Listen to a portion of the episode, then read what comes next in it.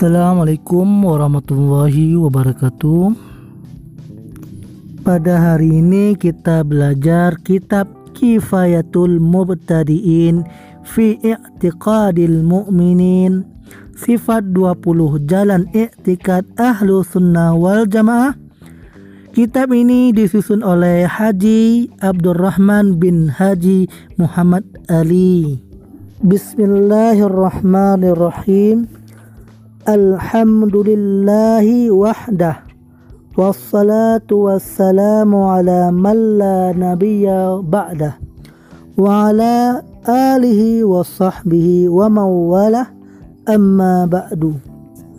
Maka inilah kitab sifat 20 jalan i'tikad ahlu sunnah wal jamaah untuk mengenal ke keadaan Allah dan Rasul yang mudah dipahami dan dihafal oleh orang yang mubtadi yakni orang yang baru belajar ilmu tauhid.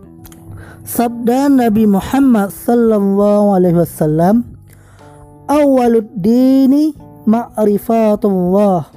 Artinya bermula permulaan agama itu yaitu mengenal Allah taala dari karena jikalau tiada sah pengenalan seorang kepada Allah, niscaya tiada sah pula segala amal ibadatnya.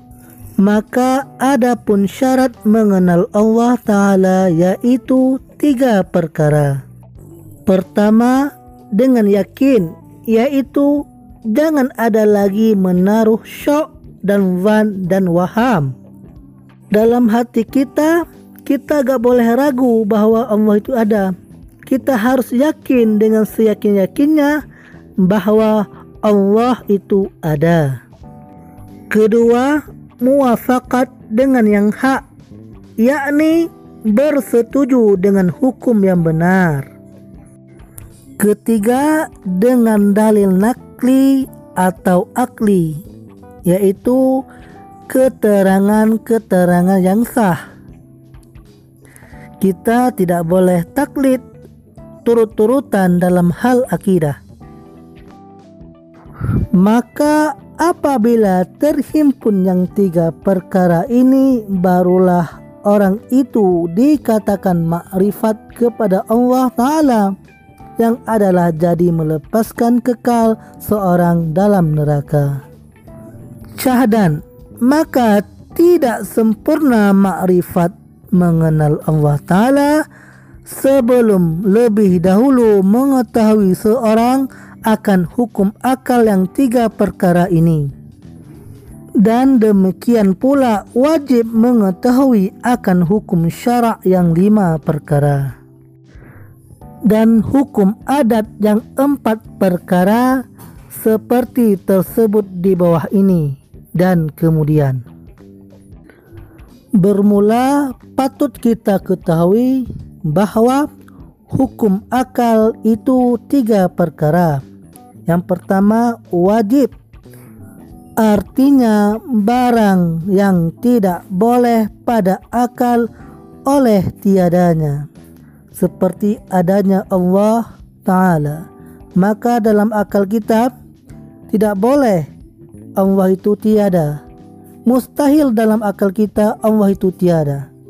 Kedua, mustahil artinya barang yang tidak boleh pada akal oleh adanya. Seperti Allah itu bersekutu, maka tidak boleh pada akal kita Allah itu bersekutu. Mustahil. Mustahil pada mustahil Allah itu bersekutu. Ketiga, harus artinya bara yang sah pada akal oleh adanya dan tiadanya. Seperti berbuat Allah Ta'ala bagi sekalian yang mungkin atau meninggalkan dia. Allah menjadikan alam semesta ini harus.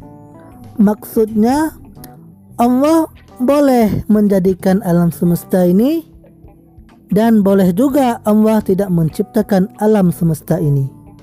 Baiklah, hanya sekian pembelajaran hari ini. Assalamualaikum warahmatullahi wabarakatuh.